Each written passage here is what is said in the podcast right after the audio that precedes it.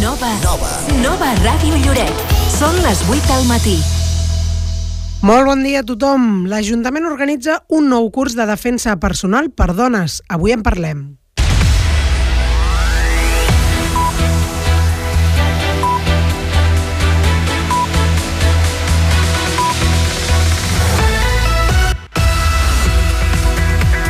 Èxit a la segona edició del curs de defensa personal que organitza l'Ajuntament per dones, ja que, que ja té totes les places ocupades. El taller que es farà demà a la tarda s'emmarca dins de les activitats que es duen a terme per commemorar el Dia de les Dones, que se celebra divendres de la setmana que ve, 8 de març. En parlarem amb la regidora d'Igualtat, Míriam Rodríguez. Així obrim el Bon Dia Bona Hora d'avui, dijous 29 de febrer. Recordeu que aquest 2024 és any de traspàs. Molt bon dia a tothom, benvinguts al despertador matinal de la ràdio de Lloret. I donem també la benvinguda a en Josep Altafulla, que ens presenta breument la resta de contingut per avui. Josep, bon dia. Bon dia, Maria.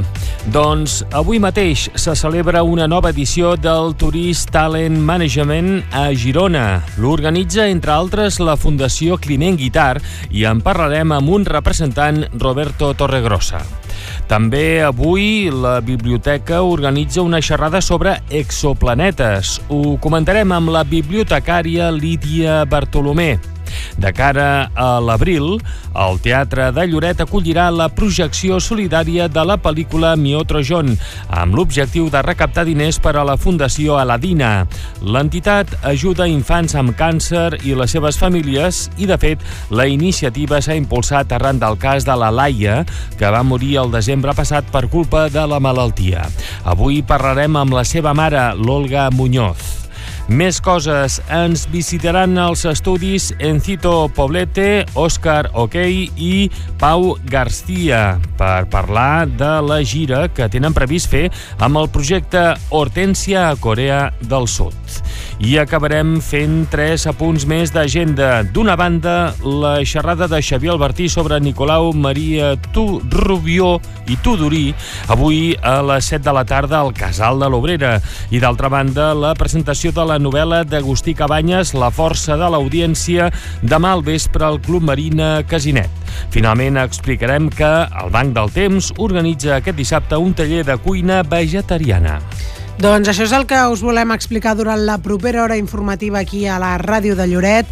Recordar-vos eh, que també us oferim cada dia la previsió meteorològica i el repàs de l'actualitat general i fer un apunt que ja el fèiem ahir, eh, però que ens arriba des de la funerària Sant Romà, que és la defunció d'Ellen Langer Strasser-Wenner, que va morir divendres als 85 anys. Era natural de Langenhagen, a Alemanya, i vivia aquí a Lloret. I l'enterrament es farà avui a les 10 del matí a la capella del cementiri. Fet aquest apunt, donem pas a una nova edició del Bon Dia Bon Hora amb Rosa Giral, Moisès Garcia i aquí en directe hi som Josep Altafulla i Maria Joan Comartí. Bon dia, bona hora. De dilluns a divendres, de 8 a 9 del matí.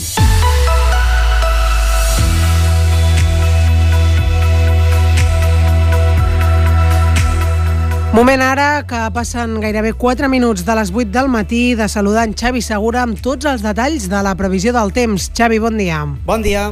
El temps aquest dijous aquí a la zona de Lloret serà molt tranquil, sense nuvolades ni precipitacions, potser amb alguna boirina matinal i també desapareix del tot el vent del nord, que s'ha deixat notar encara aquestes últimes hores. Per tant, una jornada per aprofitar i també amb bonança al migdia, després de més fred a primeres hores, tindrem màximes a les hores centrals del dia de 16 a 17 graus, per tant, temps plàcid que també es mantindrà a la tarda, tot i que augmentaran les bandes de núvols alts i prims, que seran el preludi d'un canvi de temps que tindrem entre la nit i matinada de divendres, un front que creuarà i que deixarà més nuvolositat, però en principi sense precipitacions, sense descartar tan sols alguna botellada aquí a la zona de la selva. Divendres serà un dia d'impàs, amb cel més canviant però en principi sense precipitacions i de cara al cap de setmana el temps es complica una mica més, creuarà un front entre dissabte i diumenge, sobretot de nit i matinada, que pot deixar més xàfecs, més ruixats i més ventades sobretot, i amb unes temperatures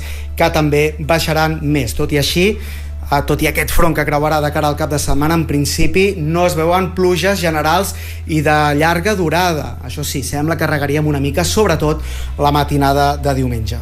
Moltes gràcies, Xavi. Ben pendents de com evolucioni tot plegat. El que podem afegir ara és que tenim 7 graus i mig de temperatura aquí a Lloret i la humitat se situa al 68%.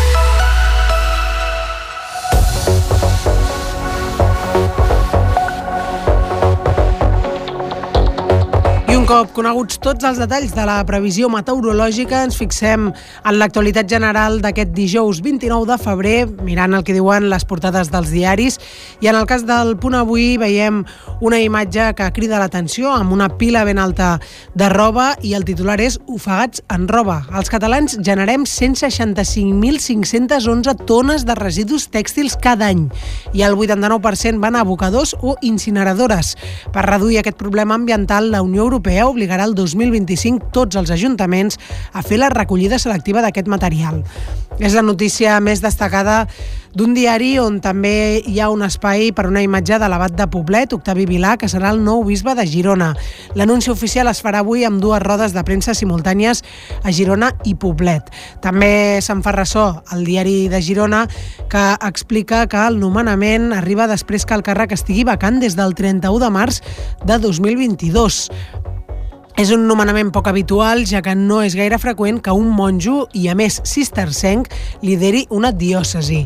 Uh, com diem, Octavi Vilà serà el nou bisbe de Girona. També una altra notícia que comparteixen aquests dos rotatius és per les voltes, reconeguda com a monument de país en el seu 60è aniversari. Això ho llegim al punt, mentre que el diari de Girona el que destaca és que la llibreria celebra l'acte dels 60 anys omplint el Teatre Municipal. Una altra notícia que llegim al punt és que el govern aprova uns comptes amb més despesa social i menys deute i que defensen la inclusió social en el món laboral com a factor de competitivitat. I si ens quedem al diari de Girona, la imatge del dia és pel temporal de vent que tomba arbres. Les ràfegues arriben a 164 km per hora a Portbou i provoquen despreniments. La fotografia, però, és per un, arbre, un arbre caigut a Platja d'Aro. També hi ha espai pels pagesos. La protesta és indefinida i la traslladen a casa del conseller. No es mouran de la P7 i la Nacional 2 fins que no s'atenguin les demandes del col·lectiu. Denuncien a la Universitat de Girona un nou cas d'assetjament sexual per part d'un professor. El docent hauria insistit fins a tres vegades a un exalumne de màster si volia acabar al llit. Encara a la portada del diari de Girona, en successos, roben joies i diners a dues dones pel mètode del peruà a la P7 a Sant Gregori. Tres joves apallissen un noi amb un pal de ferro durant el Carnaval a Roses. El pressupost de la Generalitat a Girona creix un 14% i en plana esportiva, Íñiguez, l'entrenador de l'Uni Girona, diu que va anar a Turquia a guanyar sense pensar en l'avantatge. L'equip ha fitxat Nicholson, que encara no jugarà abans del partit clau d'Eurocup. Monogràfic en els titulars de la, rens, la resta de premsa escrita en el dia d'avui. Ja sabem de quin tema parlem. L'ABC ho destaca en primera plana. El comissionista del cas Coldo tenia un passi especial en el Ministeri d'Avalos. Segueix, doncs, aquesta polèmica, aquesta crisi política al govern de l'Estat. També a la Razón hi llegim Armengol és ara el punt més feble de Sánchez mentre que El País diu que l'empresari Aldama clau en el, la trama del cas Coldo. També, però, hi llegim en El País que el PSOE i Junts s'apropen postures per tancar la llei d'amnistia. A la Vanguardia, diversos són els titulars que hi llegim. Von der Leyen insta el rearmament europeu pel risc de guerra. També llegim que la connexió de la xarxa de l'Ebre a Barcelona es podria realitzar en 8 mesos, segons els experts. I amb una fotografia il·lustrativa, Espanya de títol en títol, fent referència a la selecció espanyola de futbol femenina que segueix el seu cicle d'èxits al proclamar-se campiona del món el 2023 i classificar-se als Jocs Olímpics, a més de guanyar eh, el títol de la Nations League ahir al vespre davant de França i a El Periódico de Catalunya, l'ACA fa una guardiola de 540 milions d'euros. Coldo García va compartir amb Bàbalos documents fins abans de Nadal i també eh, amb fotografia il·lustrativa a la portada del Periódico de Catalunya la selecció tomba França. Doncs això diuen les portades. Repassem altres notícies també d'actualitat general, com per exemple que el cànon encarirà el rebut de l'aigua entre 1 i 4 euros a partir de l'any que ve.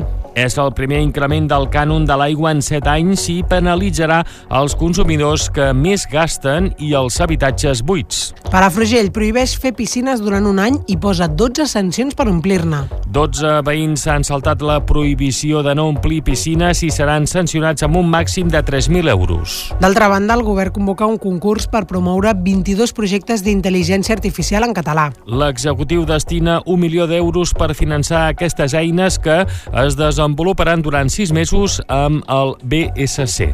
Aprovada pel Consell de Ministres la llei d'atenció al client.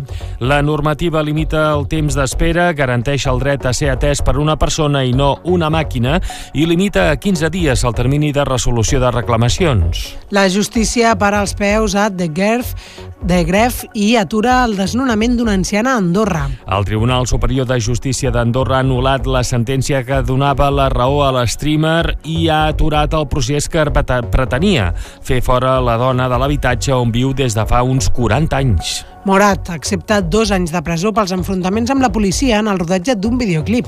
Amb l'acord judicial, el cantant no haurà d'entrar a la presó si no reincideix en els pròxims dos anys. També és notícia que han resolt 20 anys després l'assassinat del raper Ran DMC a Nova York. Un amic de la infància i el seu fillol han estat condemnats pel tiroteig que va acabar amb la vida del raper i DJ. Sobre la crisi humanitària, un cop més, eh, tenim el focus a Gaza i aquest cop preocupant perquè les autoritats han denunciat les primeres morts d'infants per desnutrició a la franja. L'ONG Save the Children confirma la mort de dos menors i alerta que més d'1,1 milions de nens i nenes corren el risc de morir de fam. En plana cultural, Jean-Paul Gaultier porta a Barcelona el seu espectacle musical de moda i dansa. Fashion Freak Show ha passat per les principals capitals europees i es podrà veure a la capital catalana a partir del dia 4 d'abril. Maria Climent publica Mai és una paraula molt lletja. El llibre exposa la història real d'infertilitat de l'escriptora i el llarg procés que va viure per tenir una criatura. I amb aquest repàs arribem ara mateix a les 8 i 12.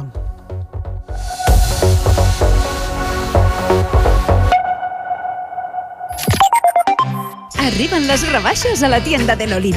Renova el teu armari i no et perdis l'oportunitat de lluir espectacular aquesta temporada. Descobreix una àmplia selecció de roba, complements i també talles grans. Ens trobaràs als baixos del centre comercial Carabela. Posa't guapa amb les rebaixes de la tienda de l'Olin. Cartelleria digital de Víctor So el canal publicitari del segle XXI per captar l'atenció dels teus clients. Pantalles informatives, tòtems i pantalles LED pel teu negoci. Gestiona els continguts de manera remota amb qualsevol dispositiu mòbil, Android o iPhone, perquè a Víctor So sabem que la comunicació amb el teu client és el més important. Víctor So. Ens trobaràs a l'Avinguda Vila de Tossa 5052 de Lloret de Mar. Telèfon 972 36 41 14. Centre Mèdic Loreto. Obtenció i renovació de permisos de conduir, llicències d'armes, seguretat privada, animals perillosos, obtenció de targeta de residència, tot tipus d'esports i la tramitació gratuïta del permís de conduir. Tenim el servei de medicina general, pediatria, psicologia i fisioteràpia. Treballem amb les principals mútues. Centre Mèdic Loreto. Carrer Verge de Loreto 53, al costat de la Policia Nacional. Telèfon 972 36 96 12. Et sents esgotat física i mentalment? Atrapat en la rutina diària? Vine a Muscle Beach, al teu nou gimnàs. Entrena amb cotxes titulats en espais increïbles i totalment equipats amb més de 700 metres quadrats just a l'entrada de Mar Romeu. Descobreix la nova zona d'entrenament funcional. Apunta't ara i et regalem tot el que queda de febrer i la matrícula gratuïta. No t'ho pots perdre. Vine a Muscle Beach, al teu gimnàs a Lloret de Mar. A les empreses com a la vida cal posar nom al que fas i sents, perquè darrere de Fitel hi ha 20 anys en el sector de les telecomunicacions, amb més de 10 anys dedicat a ser l'operador internet a Lloret de Mar. I ara seguim avançant perquè més pobles de la comarca tinguin el mateix servei que tu. Perquè darrere de Fitel hi ha persones que fan de la seva feina la seva passió. I tu? Ja ets de Fitel? Fibra òptica i telefonia mòbil a Lloret de Mar sempre a prop teu. L'Ajuntament de Lloret de Mar informa. Lloret de Mar es troba en situació d'emergència 1 per sequera. Hi ha restriccions d'aigua en els usos urbans que afecten en el volum màxim d'aigua per habitant i dia. Restriccions en la neteja de vehicles, de carrers i mobiliari urbà. En el rec esportiu, de zones verdes, jardins públics i jardins privats. Està prohibit l'ompliment de piscines públiques, privades, comunitàries i les fonts ornamentals, així com l'eliminació de pols en l'aire amb aigua. La situació actual de falta d'aigua és molt greu i s'han de prendre mesures per estalviar aigua potable de forma immediata. Teniu tota la informació detallada al web lloret.cat. Cada dia a la tele, una hora o altra, allà on sigui els diaris, ens diuen que s'escalfa el planeta, que l'aigua s'està acabant... Per això ens ho estan dient cada dia. I s'han donat compte que no tenim aigua, quan han obert l'aixeta ja no ha sortit aigua. El tema de l'aigua és importantíssim. Que Totes jo- les emergències creen aquesta discussió. Avui l'aigua, aprofitar l'aigua de pluja. Eh, fa uns anys que si els respiradors que no en tenim i la gent es mor. Eh, L'altre, fa uns més anys, la contaminació, la indústria dels afluents i tal, i correm-hi tots. Què passarà a l'estiu? Si, si continuem, que sembla ser que tingui aquesta... A l'estiu es consumeix molta més aigua i s'evapora molta més aigua. És que- I es consumeix, sobretot en els llocs com el nostre, moltíssima més aigua. No, no, però que a Catalunya tinguem problemes d'aigua no és nou. No és o sigui, nou, De... No, no. Els dijous, de 9 a 10 del matí, escolta la tertúlia ciutadana a la ràdio de Lloret de Mar.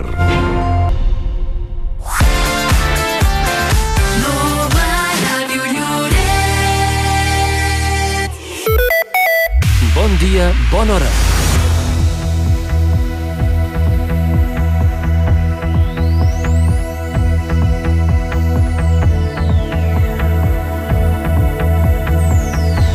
Dos minuts passen d'un quart de nou del matí. Això és el Bon Dia Bona Hora de la ràdio de Lloret i donem la benvinguda als que us heu enganxat després d'aquesta breu pausa.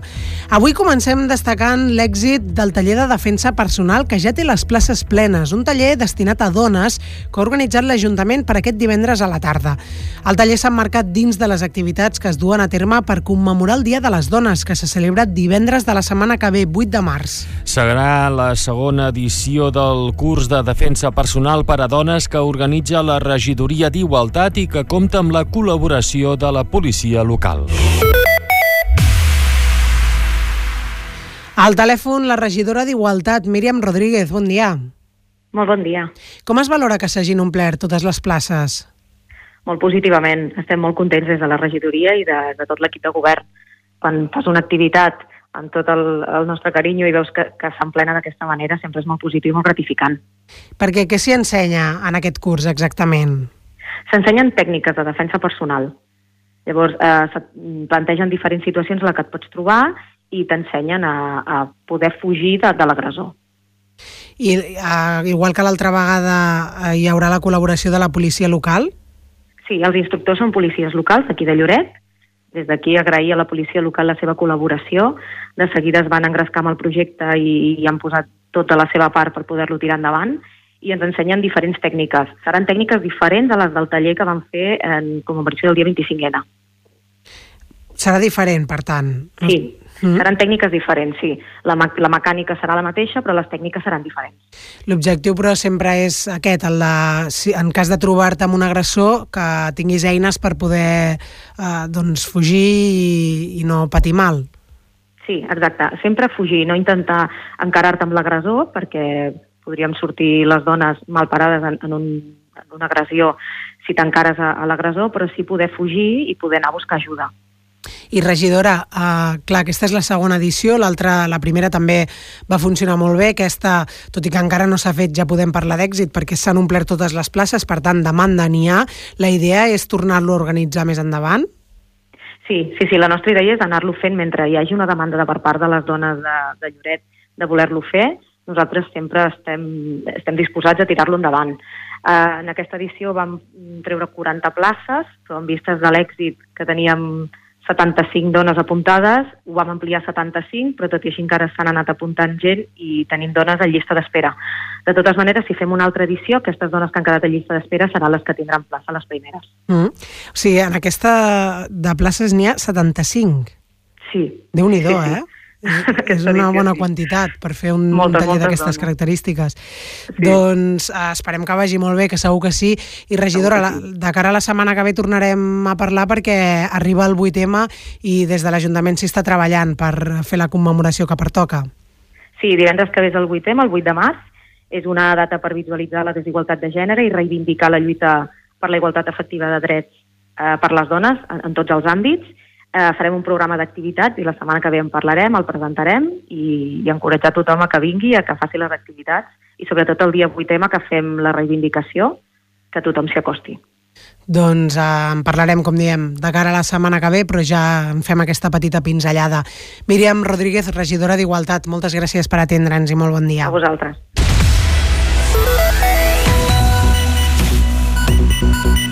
Bon dia, bona hora. De dilluns a divendres, de 8 a 9 del matí.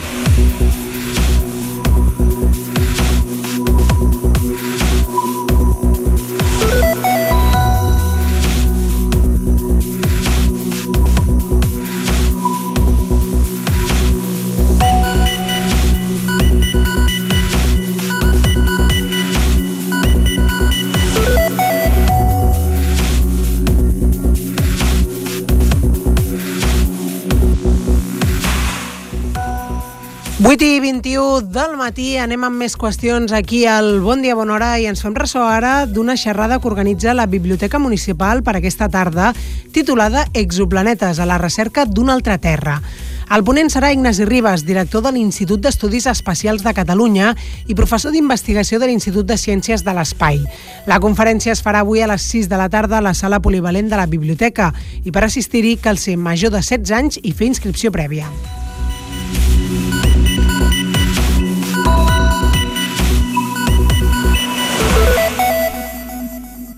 Parlem amb Lídia Bartolomé, de la biblioteca. Molt bon dia. Hola, bon dia. Primer de tot, Lídia, què són els exoplanetes i per què heu decidit organitzar una xerrada sobre aquesta temàtica? Bé, primer de tot m'agradaria explicar que aquesta és la segona de les quatre conferències del projecte Bibliostim, de mm, les quatre conferències que tindrem entre el 2023 i 2024, i que aquest és un projecte coordinat pel Servei de Biblioteques de la Diputació de Girona amb el suport de l'Associació Catalana de Divulgadors Científics. Vale?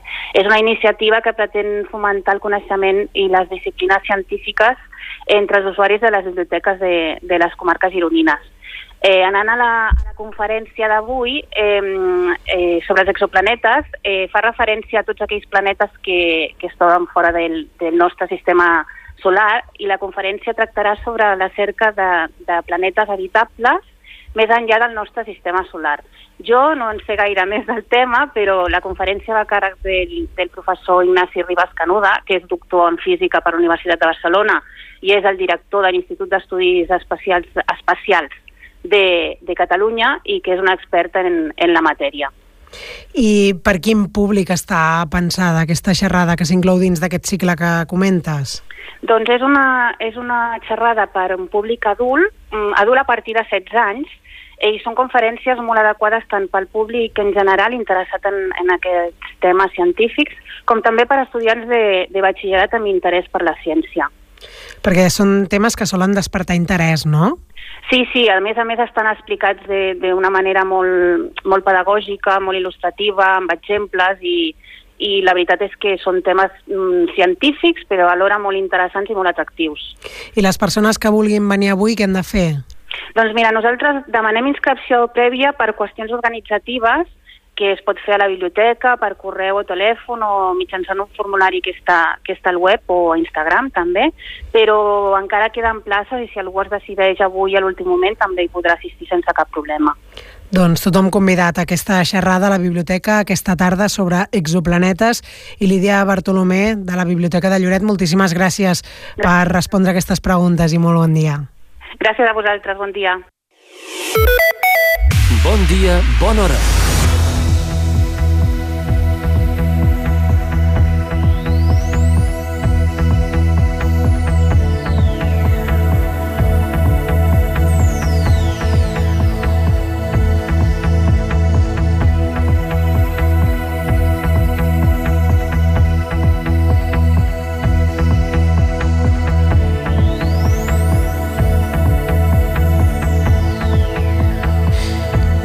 8 i 25, més qüestions aquí al Bon Dia, Bona Hora i ara parlem de plana turística perquè avui al matí se celebra una nova edició del TTM, el Tourist Talent Management, organitzat per la Fundació Climent Guitar, la Fundació Jordi Comas Matamala i la Fundació SET. Aquesta serà la tercera edició.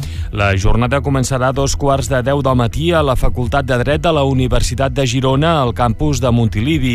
El títol d'aquest any és Satisfacció i motivació en el món laboral, experiències i estratègies en el sector del turisme i l'hostaleria. Ampliem els detalls amb Roberto Torregrossa, que és patró de la Fundació Climent Guitar. Molt bon dia. Hola, molt bon dia. Com es presenta el TTM d'aquest any? Què n'hem de destacar? Mira, només, només et diré que estem d'overbooking, com diem amb el nostre argot hoteler. Han tingut, com és una jornada gratuïta, doncs, bueno, escolta, tenim un aforament complet i jo diria que alguna més. Hem, tot just ara estem aquí a la facultat uh, organitzant, posant més, més cadires per poder donar resposta a la llau de, de sol·licituds de, de poder acompanyar-nos en aquesta jornada. Doncs ho celebrem, celebrem aquest èxit d'assistència. I, Roberto, per què s'ha escollit la temàtica de la satisfacció i la motivació en el món laboral? Mira, el TTM que va néixer del, del BTM, que celebrem a Lloret de Mar i que ara organitza la, la Fundació Climent Guitar, com sabeu, bueno, vam, vam veure de que ja el, el, el sector eh, mostrava signes d'alarma en quant a, a el que era la cerca de talent, no? I llavors ja des de fa tres anys, perquè aquesta és la tercera edició, vam considerar que era important posar sobre la taula reflexions eh, conjuntament amb l'administració, l'acadèmia, eh, l'empresa i, evidentment, les forces socials, no? Per tal de poder bueno, estudiar com, com fer aquesta reconversió que necessita el sector en quant a el que és la, la, la, la, cerca de talent i, sobretot, la seva fidelització. Considerem val, que el que és el benestar, el que passa que la paraula benestar no la trobareu en el programa, sinó que l'hem reconvertit en, en dues paraules molt importants, que és aquesta satisfacció i motivació que necessita el, els equips que necessiten els equips i que depenen de moltes circumstàncies. Eh? La clau, com sempre, doncs, la té eh, l'empresari, també amb l'ajuda de les eines que et dona l'administració, sens dubte. Llavors, avui, a sobre la taula, doncs, tenim una sèrie de ponències i de panels que eh, versaran en, entorn a, a com, no? a com, com millorar aquesta satisfacció i motivació dels nostres equips i podem destacar algun dels ponents o, o alguna de les uh, taules rodones que s'hagin programat? Bueno, jo diria de que les taules eh, rodones que hi ha bueno, són, són totes eh, interessants, no puc dir quelcom diferent, hi ha, hi ha persones bueno, rellevants i sobretot persones que representen empreses rellevants. Per exemple, tenim a la Joana Pedret, que és la cap de recursos humans del grup Seguer de Can Roca, o, o, la, Sílvia Olet, que és una professora de, de, important d'un màster en turisme cultural de la Universitat de Girona, que a més a més aquesta taula la modera en Martí Sabrià, que no cal presentacions, no? Però tenim també el tal del fill Geli, qui no coneix el del fill Geli, ens hagués agradat que tingués el, el seu entrenador, el Michel. és a dir, aquesta progressió que està fent el Girona i com en un moment donat el seu entrenador i tot el que significa l'organització del Girona és capaç de motivar un equip que està fent bueno, història, no?, dintre del que és el futbol en aquest cas, però bueno, que jo crec que es pot traslladar perfectament. I, i, i sí que m'agradaria destacar doncs, bueno, una ponència, un sol, d'Antiago Santos, el que és el director de, de talent i carreres de, de, de l'Students Finance Barcelona, que és bastant disruptiu amb, amb, amb la seva manera de, de, de com traslladar aquesta, aquesta motivació i satisfacció dins del, del món laboral del nostre sector. Jo crec que al final és molt transversal. Bueno, jo crec que tenim una jornada per tant molt interessant, que se'ns farà curta, sens dubte, i que segur que les conclusions donaran peu a més reflexions, perquè al final les jornades van empalmant-se d'un any amb un altre en base a, la, a les conclusions de, de la jornada anterior. Per la qual estic segur que, que la Susana Quintana, del Col·legi de, de periodistes d'aquí de Girona, eh, ens farà unes conclusions que donaran peu a, a seguir reflexionant de, de com podem seguir avançant amb aquesta reconversió que necessita el sector, saps? I clar, en aquest sentit, Roberto, perquè també comentaves com va néixer no? el TTM ara fa 3 anys eh, i dius que de les conclusions d'un any eh, es, es preparen les jornades de l'any següent. Eh, les dues edicions que heu fet fins ara eh, entenc que han anat molt bé, no? que la, les valoracions són positives. Sí, no, la veritat, quan, quan un té l'encàrrec per si mateix i sobretot el compromís d'organitzar una jornada, si aquesta jornada no dona valor o no aporta res la, al conjunt de la societat, no serveix per res. Llavors, bueno, el que ens trobem és que cada vegada, cada jornada, digue-li al TTM digue-li al, al BTM, no? al Business Choice Market, que organitzem, com, com ja sabeu, no? Um, al, al final, mm, obres melons, que dic jo, no? Obres melons i poses a sobre la taula bueno, mm, situacions generals, transversals dintre del sector i que necessiten, si més no, d'aquesta reflexió, saps? Després el dia a dia ens absorbeix a tots, però sí que hem d'anar obrint aquestes reflexions on també d'alguna manera ajudem a l'administració a dir, doncs mira, avui una de les coses molt importants que passaran, no? El que passa que no m'agrada parlar-lo massa amb el TPM, però sí que és veritat que es farà avui. Avui es presenta un estudi que fa la càtedra Climent Guitar, precisament, i és un estudi que, que s'ha fet conjuntament, bueno, ho ha fet la càtedra, i la càtedra Climent Guitar ja sabeu que està constituïda per l'Ajuntament de Lloret de Mar, per la UDG i per, i per la pròpia Fundació. Pues avui es presenta aquest estudi, és un estudi que és l'activitat turística i les seves necessitats formatives del sector val? i quina és l'oferta dels estudis actuals. Us puc dir que les seves conclusions val? obriran un, un, un, nou, un, nou, un, un nou després, et diria. Val? I jo crec que aquest estudi ajudarà moltíssim a l'administració, però no només a l'administració catalana, sinó que obrirà un nou futur de lo que és la formació dels cicles formatius val? de- d'Espanya, diria, perquè ja sabeu que al final la formació ha de passar també per, per, per l'autorització del Ministeri, m'entens? I és un, és un dels temes val? Que, que, que tot i que no és que s'aparti de, de, del, del motiu del, del TTM d'enguany, però sí que hem volgut aprofitar el TTM per poder fer aquesta presentació d'aquest informe, que ja et dic, que, que marcarà un abans i un després, sens dubte. Les conclusions són bastant, bastant importants, anava a dir demoladores, però bastant importants. Eh? Començant per Lloret de Mar, que hem identificat coses molt importants, i acabant per Catalunya barra Espanya.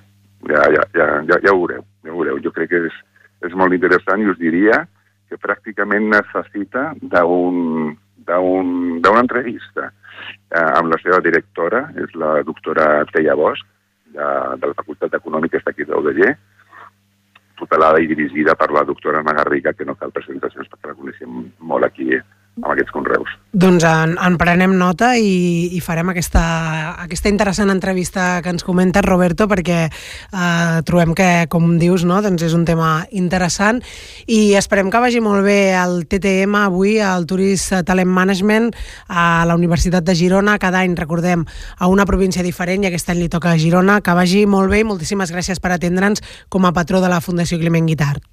Gràcies a vosaltres per estar sempre pendents del que fem. Visita guiada a l'ermita de Santa Cristina i el seu paratge natural. L'ermita s'obre al públic per mostrar el valor del patrimoni i l'estat del seu manteniment. Aparcament gratuït. Visita guiada aquest dissabte a dos quarts de dotze del matí. Cal reserva prèvia al web tiquets.lloretdemar.org. Visita guiada a càrrec de l'obreria de Santa Cristina. Perquè Santa Cristina és nostra. Estàs escoltant l'informatiu matinal Bon dia, bona hora. Ara mateix passen 3 minuts de dos quarts de nou.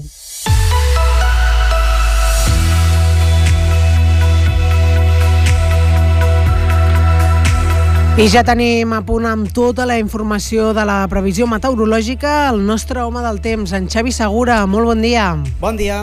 El temps aquest dijous aquí a la zona de Lloret serà molt tranquil, sense nuvolades ni precipitacions, potser amb alguna boirina matinal i també desapareix del tot el vent del nord, que s'ha deixat notar encara aquestes últimes hores. Per tant, una jornada per aprofitar i també amb bonança al migdia, després de més fred a primeres hores, tindrem màximes a les hores centrals del dia de 16 a 17 graus, per tant, temps plàcid que també es mantindrà a la tarda, tot i que augmentaran les bandes de núvols alts i prims, que seran el preludi d'un canvi de temps que tindrem entre la nit i matinada de divendres, un front que creuarà i que deixarà més nuvolositat, però en principi sense precipitacions, sense descartar tan sols alguna botellada aquí a la zona de la selva. Divendres serà un dia d'impàs, amb cel més canviant, però en principi sense precipitacions, i de cara al cap de setmana el temps es complica una mica més. Creuarà un front entre dissabte i diumenge, diumenge, sobretot de nit i matinada, que pot deixar més xàfecs, més ruixats i més ventades, sobretot, i amb unes temperatures que també baixaran més. Tot i així, Uh, tot i aquest front que creuarà de cara al cap de setmana, en principi no es veuen pluges generals i de llarga durada. Això sí, sembla que regaríem una mica, sobretot la matinada de diumenge. Doncs uh, veurem què és el que passa de cara a diumenge, però per ara, Xavi, moltes gràcies per tots aquests detalls i podem afirmar que tenim 7 graus i mig de temperatura i la humitat al 68%. Bon dia, bona hora de dilluns a divendres, de 8 a 9 del matí.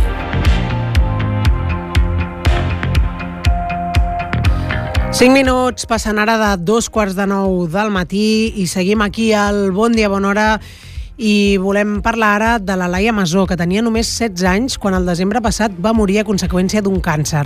Durant la malaltia va rebre molt de suport de la Fundació Aladina, que també ha ajudat la família a fer front a la pèrdua. Per això ara la família vol retornar part d'aquesta ajuda donant a conèixer l'excel·lent feina que fan des de la Fundació i també recaptant diners per poder ajudar altres infants que pateixin càncer. Ho faran amb un acte benèfic el proper 6 d'abril a les 6 de la tarda al Teatre de Lloret, on projectaran la pel·lícula Mi Otro John, les entrades valen 10 euros.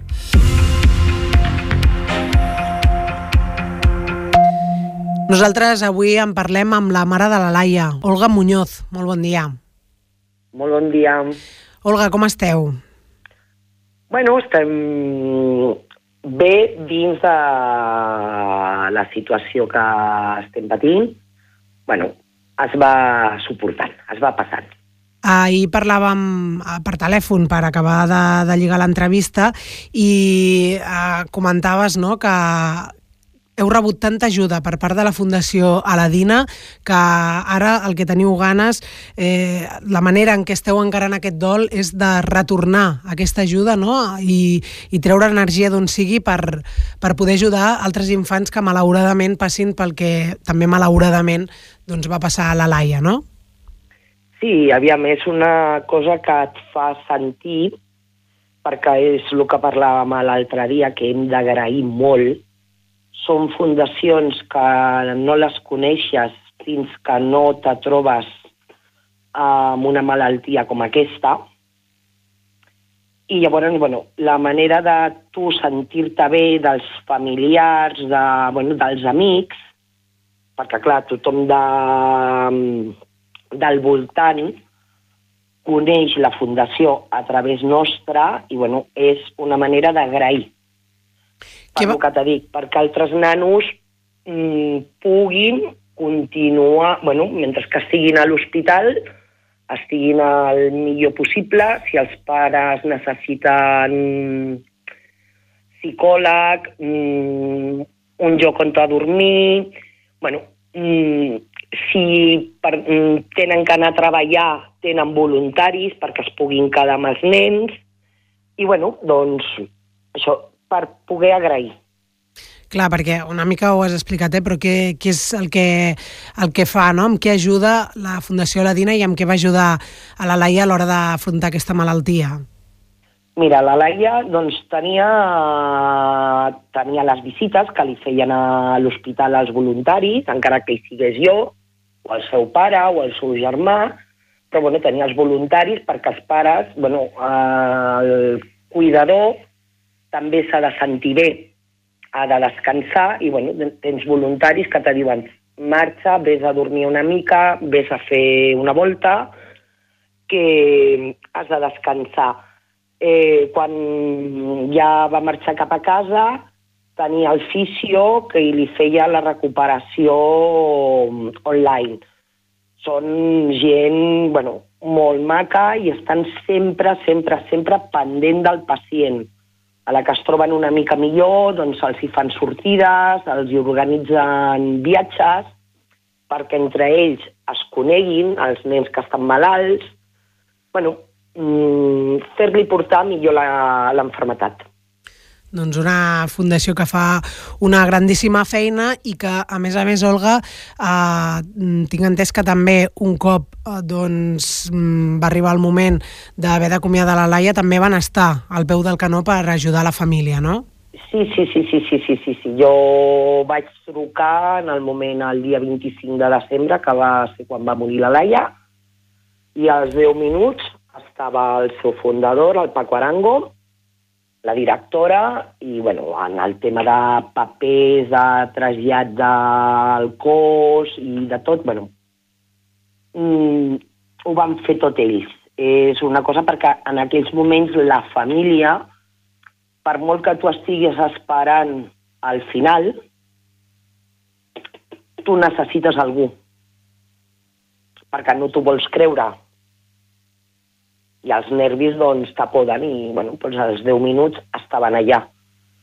I, bueno, una ajuda molt gran. I encara avui per avui, bon, ajuda psicològica, tant pels germans, pels pares i per qui ho pugui necessitar. Mm. Doncs a tota aquesta ajuda que voleu aportar al, al granet de sorra amb aquesta projecció benèfica que fareu aquí Lloret el 6 d'abril al teatre, no? Sí, sí, sí, per això volem fer la, projectar la pel·lícula, que és l'última pel·lícula del Paco Arango. Wanda té els drets, ens, ens, ens ha cedit la pel·lícula gratuïtament i bueno, perquè sabem on aniran els calés que es puguin recaudar, no? Aniran els donatius per, tot per la Fundació. Tenim perquè, clar, això també val uns calés, no? El que portin els nens de vacances, els fisios, els allotjaments, perquè clar, tu vas a un allotjament, no has de pagar llum, no has de pagar res, te posen moltíssimes facilitats i, mm, bueno, pues, és la manera d'ajudar per això, perquè pensem que hi ha més nens, per desgràcia, perquè jo ara mateix la setmana passada vaig estar parlant amb un dels fisios de la Laia, amb el Rodri, i en una setmana hi havia set nens nous diagnosticats. Aquests nens passaran per lo mateix que la Laia.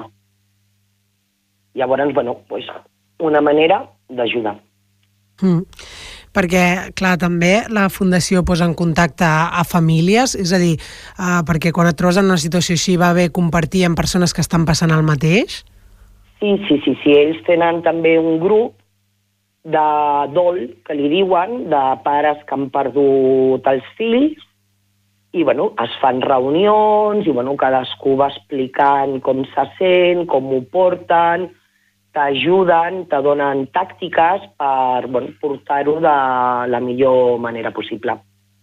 Si, si algú mm, malauradament passa per això, tu qui li, que, quin consell donaries o què recomanaries?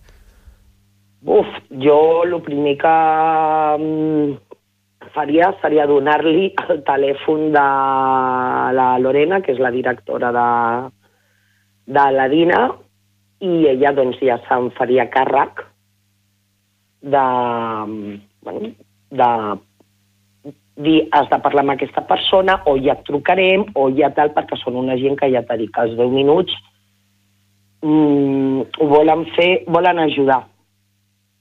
Mm. Llavors, clar, jo no sóc ningú per dir doncs has de fer això, perquè ara en aquests moments tu te trobes no, pues hauries de fer això, hauries de fer ioga, hauries de fer no sé què, hauries de fer... No, mira, jo ara mm, estic passant el dol i és, bueno, has de fer el que vulguis en aquest moment. I ara el que a mi em ve de gust i tinc ganes de fer és ajudar. Perquè al final... La meva manera d'ajudar és aquesta, perquè em fa sentir-me bé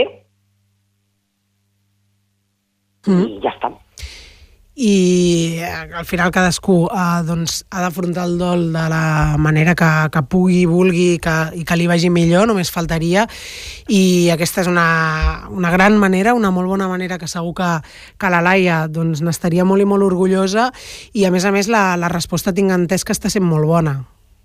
Sí, sí, sí, de moment la resposta està sent molt bona, també hem fet un crowdfunding directament per a l'Arina, per la gent que no pugui anar al teatre i vulgui fer donatius, que ho pugui fer, i la gent està responent molt bé. Jo penso que, bueno, és mm, el que sempre parlem, aviam, tots els càncers són dolents, tots, però bueno, el càncer, el càncer infantil com que no es parla, però també existeix. Mm. Llavors és una manera de fer conèixer que aquesta enfermetat existeix amb nens i que també necessiten ajuda. I també teniu la fila zero per si algú no pot venir però vol col·laborar, no? Sí, sí, sí, sí, sí, sí, sí. Aquesta fila zero s'està fent amb un enllaç de la, de la DINA i, bueno, doncs, de moment va bé, també, i, bueno, no, mm, tot és poc. Tot és, contra més cosa, més calés puguin arribar, doncs, millor. Doncs, uh, Olga Muñoz, uh, esperem que... Bé, esperem, no, segur que, que anirà molt bé aquesta, aquest acte benèfic. Nosaltres t'agraïm molt que ens hagis atès aquí a la ràdio i aportem el nostre granet de sorra per donar a conèixer tant aquesta activitat en concret com tota la feina que fa aquesta fundació a la DINA, que, com deies, doncs, uh, és poc coneguda per la gran tasca que, que du a terme en el dia a dia de tantes i tantes famílies i una abraçada molt forta i ja sabeu que des de la ràdio, doncs, amb tot el que puguem ajudar, aquí estarem, teniu les portes obertes. Vale, moltíssimes gràcies a vosaltres i, bueno, us esperem el dia 6 al teatre. Doncs el dia 6 allà estarem i, evidentment, en tornarem a parlar quan s'acosti més la data per recordar que, que es du a terme aquesta activitat. Gràcies, vale. Olga. Una abraçada Vinga, molt forta. Bon dia. Una abraçada. Adéu. Teatre de la Costa Brava Sud. Veniu al teatre. Espectacles de primer nivell. Fantasia, emoció, sentiment i passió. El Teatre de la Costa Brava Sud t'obre les portes a una programació de teatre, música i dansa de primer nivell. Teatre de la Costa Brava Sud, el vostre teatre de proximitat i de qualitat. Programació, abonaments i venda d'entrades al web teatredelacostabravasud.cat.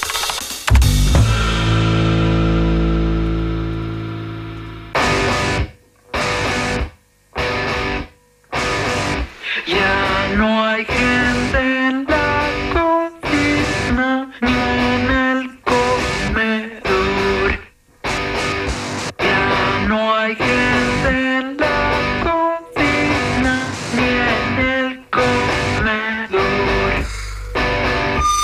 Hoy no quiero ver a nadie, hoy no quiero ver a 13 minuts i arribarem a les 9 i el que estem escoltant és Cocina, d'Encito Poblete dins del projecte Hortència. Avui en parlem perquè marxen de gira a Corea del Sud a partir de dilluns.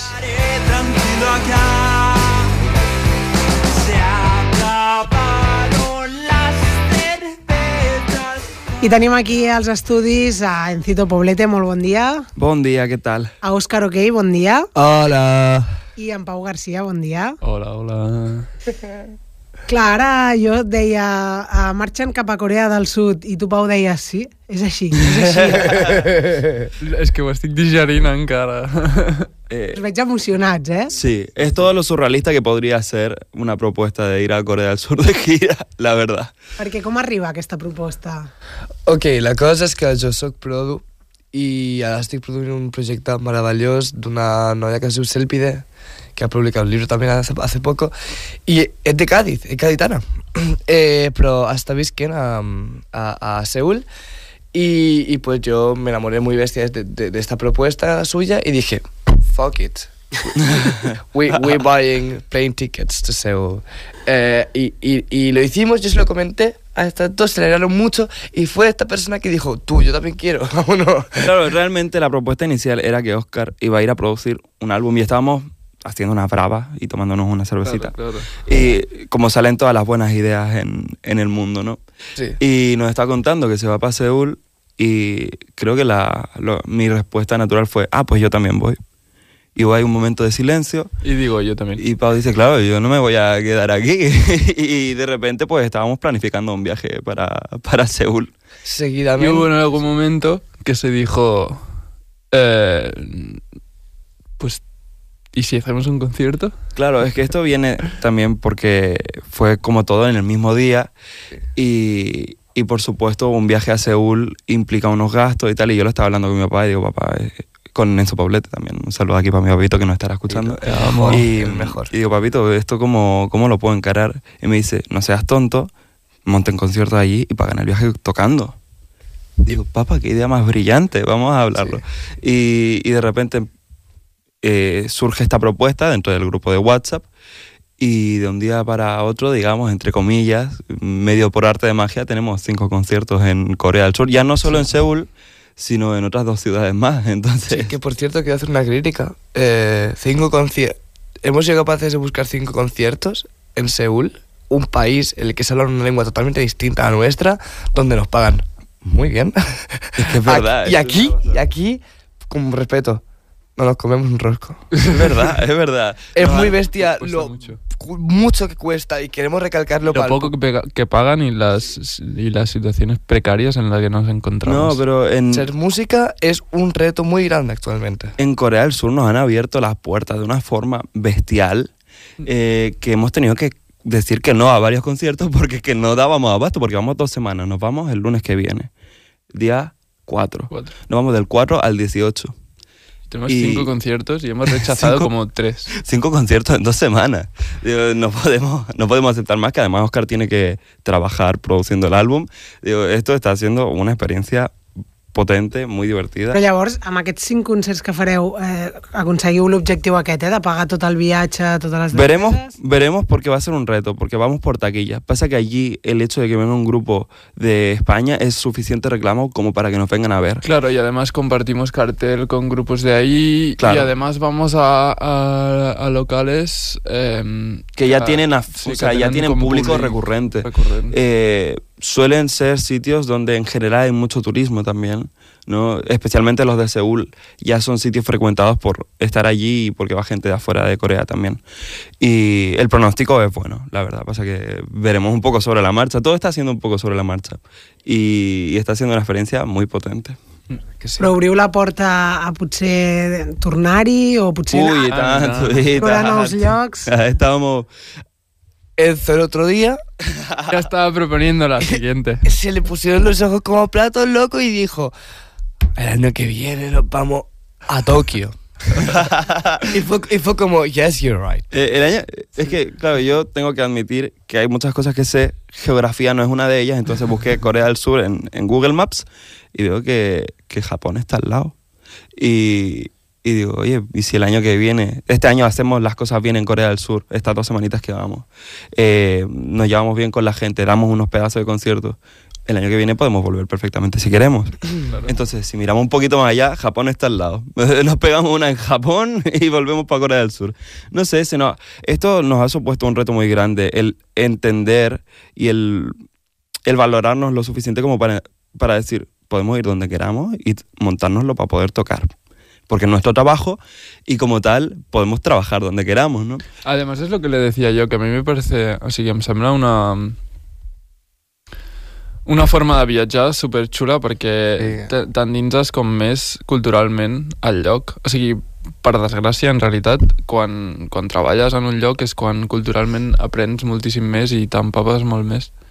I, I més que anar a fer turisme i a veure com les coses típiques i envoltar-te de turistes que al final mm, no, no, no t'endinses en la cultura quan treballes en un lloc Sí. pues ens, en, en, o sigui, ens envoltarem de gent coreana de, de tota la Sí. cultura nocturna coreana de, o sigui, al es que final claro. estarem super dins d'aquesta... También hay una distancia muy grande entre alojarse en un hotel y en una universidad de gente coreana, que es lo que vamos a hacer nosotros. Nos nosotros nos vamos a quedar en un campus Vamos universitario. low cost porque somos orbes. Ja. Perquè ara, clar, Òscar, tu deies, no? Aquí és molt difícil eh, viure de la música. Vosaltres ara mateix esteu podent viure, esteu començant a fer-ho o com... Jo sí, jo estic visquent de la música íntegrament perquè sóc tècnica de so també. I llavors puc combinar-ho tot i tots els meus ingressos absolutament són de la música. Mm Eh, es un esfuerzo titánico y, y se va a poder. En caso de Pau, Pau ya puede, pero se va a poder. Eh, el caso es que es muy lento. Y nos ha sorprendido mucho cómo, mm, igual aquí, cuánto puede haber sido nuestro máximo para cobrar en un concierto, ¿sabes? Por ticket. Allí hemos llegado y nos han dicho 25 euros el- la entrada. Y eso nos ha parecido una bestialidad. Pero es el normal. Pero es lo normal. Pero ahí. claro, O sea, el precio más bajo que nos han dado son 10 euros por entrada. No, 15. Ah, sí. Sí, el último eran 10. Claro, y... Que es aquí es caro 10 euros por entrada. Claro, aquí la gente también es una cultura diferente y aquí eh, a la gente le cuesta pagar 5 euros por ir a ver a alguien que no conoce. Eh, por ahí prefieren ir a ver un grupo tributo, que es lícito también, ¿no? Eh, y allí oh, han dicho, hey, bienvenidos, eh, ¿quieren tocar? Tengan, aquí tienen todo el que loco, equipo. I teníeu ja prou material per fer un concert amb temes propis o... Ok, curioso porque hace un mes no. Hemos Ah. montado eh, el show para ahora. Estamos al borde del colapso.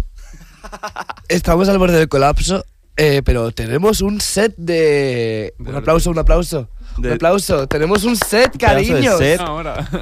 Una hora. Tenemos un set de una hora. I a més anem amb dos projectes, o sigui, anem amb Hortència i anem amb Persona, Persona. que és el meu, que també Ah. farem concerts. Claro, realmente... I hi haurà nits que farem Persona, Hortència Y Oscar este OK pinchando música. un DJ set d'Òscar Yo puncho música electrónica que suena con...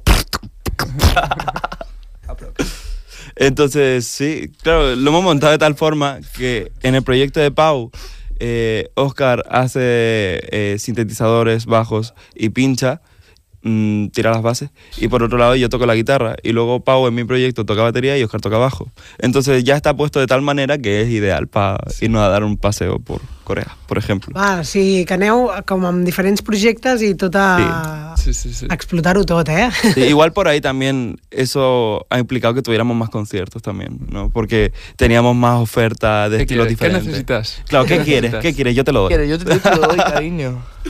Muy sema. A mi m'agradaria que quan torneu a ser per Lloret, que torneu i ens expliqueu com, com Sí, ha anat tornem. Uy, sí, l'experiència. tornem. i... Sí, tornem. Van a tener Sí. que repatriar cadáveres, cariño. Va, va, va, va. No, es pero... que ahí viene otra. Estoy, eh, tengo un poquito de miedo. Tengo un Me he visto de la miedo. Sociedad de la Nieve y tenemos que coger un avión de 12 horas. Sí, te- te- no tengo puedo. un poquito de miedo, sinceramente. Tengo un poquito de miedo. Pero no pasa nada, no pasa nada. Estoy muy, muy emocionada por la experiencia. No, no heu de mirar la Societat de la Nieve just abans de fer un viatge així, que va això sortir és de així, va calaix. sortir. Que, que, por cierto, de Tenía aquí, que verla en Dolby Atmos. de aquí un saludo para, para Bayona, que vino al cine de Blanes y yo lo vi y me pareció maravilloso. Le amo. una peli. Le, le vi en el Primavera Sound, no tocando, sino que le vi en el backstage y me hice una foto con él. Eh, Creo que estaba viendo el o algo. En tot cas, eh, quan torneu, si us quedeu, que sigui, o sigui, si no torneu, que sigui perquè us quedeu allà, que heu trobat Sí, la gran sí. vida, i llavors parlarem per telèfon, i si no, quan Ok. torneu, passeu per aquí i, i veurem com ha anat tot i, i ens ho compartiu una mica. Seguro que será una experiencia muy fructífera. Eh, estamos pensando en todo lo que vamos a aprender con este viaje y por supuesto ya estaremos aquí de vuelta para contarte.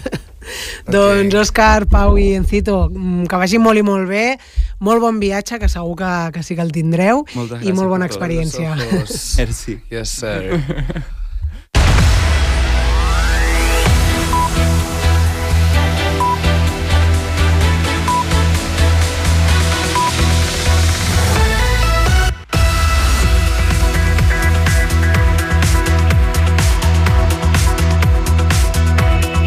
Dos minuts i són les 9 del matí. Aquest, uh, aquest últim tram del Bon Dia Bona Hora per recordar-vos algunes activitats d'agenda que tenim per aquests dies. D'una banda, avui al vespre hi ha l'últim- l'última xerrada del cicle de conferències de Xavier Albertí, dedicada a grans artistes vinculats amb Lloret de Mar, i avui se centra en Nicolau Maria Rubió i Tudorí, l'arquitecte i paisatgista que va dissenyar els jardins de Santa Clotilda. La xerrada de Xavier Albertí serà a les 7 de la tarda al Casal de l'Obrera. De cara a demà, Agustí Cabanyes, que avui el tindrem a la tertúlia ciutadana que condueix en Josep Altafulla i és un col·laborador habitual de la ràdio, doncs demà presenta la seva novel·la titulada La força de l'audiència. Una presentació que es farà a les 8 del vespre al Club Marina Casinet, amb Agustí Cabanyes, que, com dic, el podreu sentir d'aquí a pocs minuts a la tertúlia d'en Josep, a la tertúlia ciutadana que condueix en Josep Altafulla. I de cara a dissabte, el Banc del Temps organitza un nou taller de cuina dins de l'espai Temps per cuinar i en aquesta ocasió eh, se centrarà en la cuina vegetariana. Anirà a càrrec de la sòcia Carme Baquer. El taller serà dissabte al matí d'11 a 1 al bar de la biblioteca. I fet aquest apunt de l'agenda, també recordar-vos que per avui hi ha una xerrada sobre exoplanetes a la sala polivalent de la biblioteca a partir de les 6, oberta a tothom. Per tant, tothom a partir dels 16 anys pot assistir-hi per conèixer més a fons sobre aquesta recerca d'un espai habitable fora del nostre sistema solar. Fins aquí el Bon Dia Bona Hora. Nosaltres ho deixem aquí, tornarem demà a les 8 en punt, però ja sabeu que avui és dijous i per tant no marxeu, que toca Tertúlia Ciutadana, com sempre. Moltíssimes gràcies i que vagi molt bé.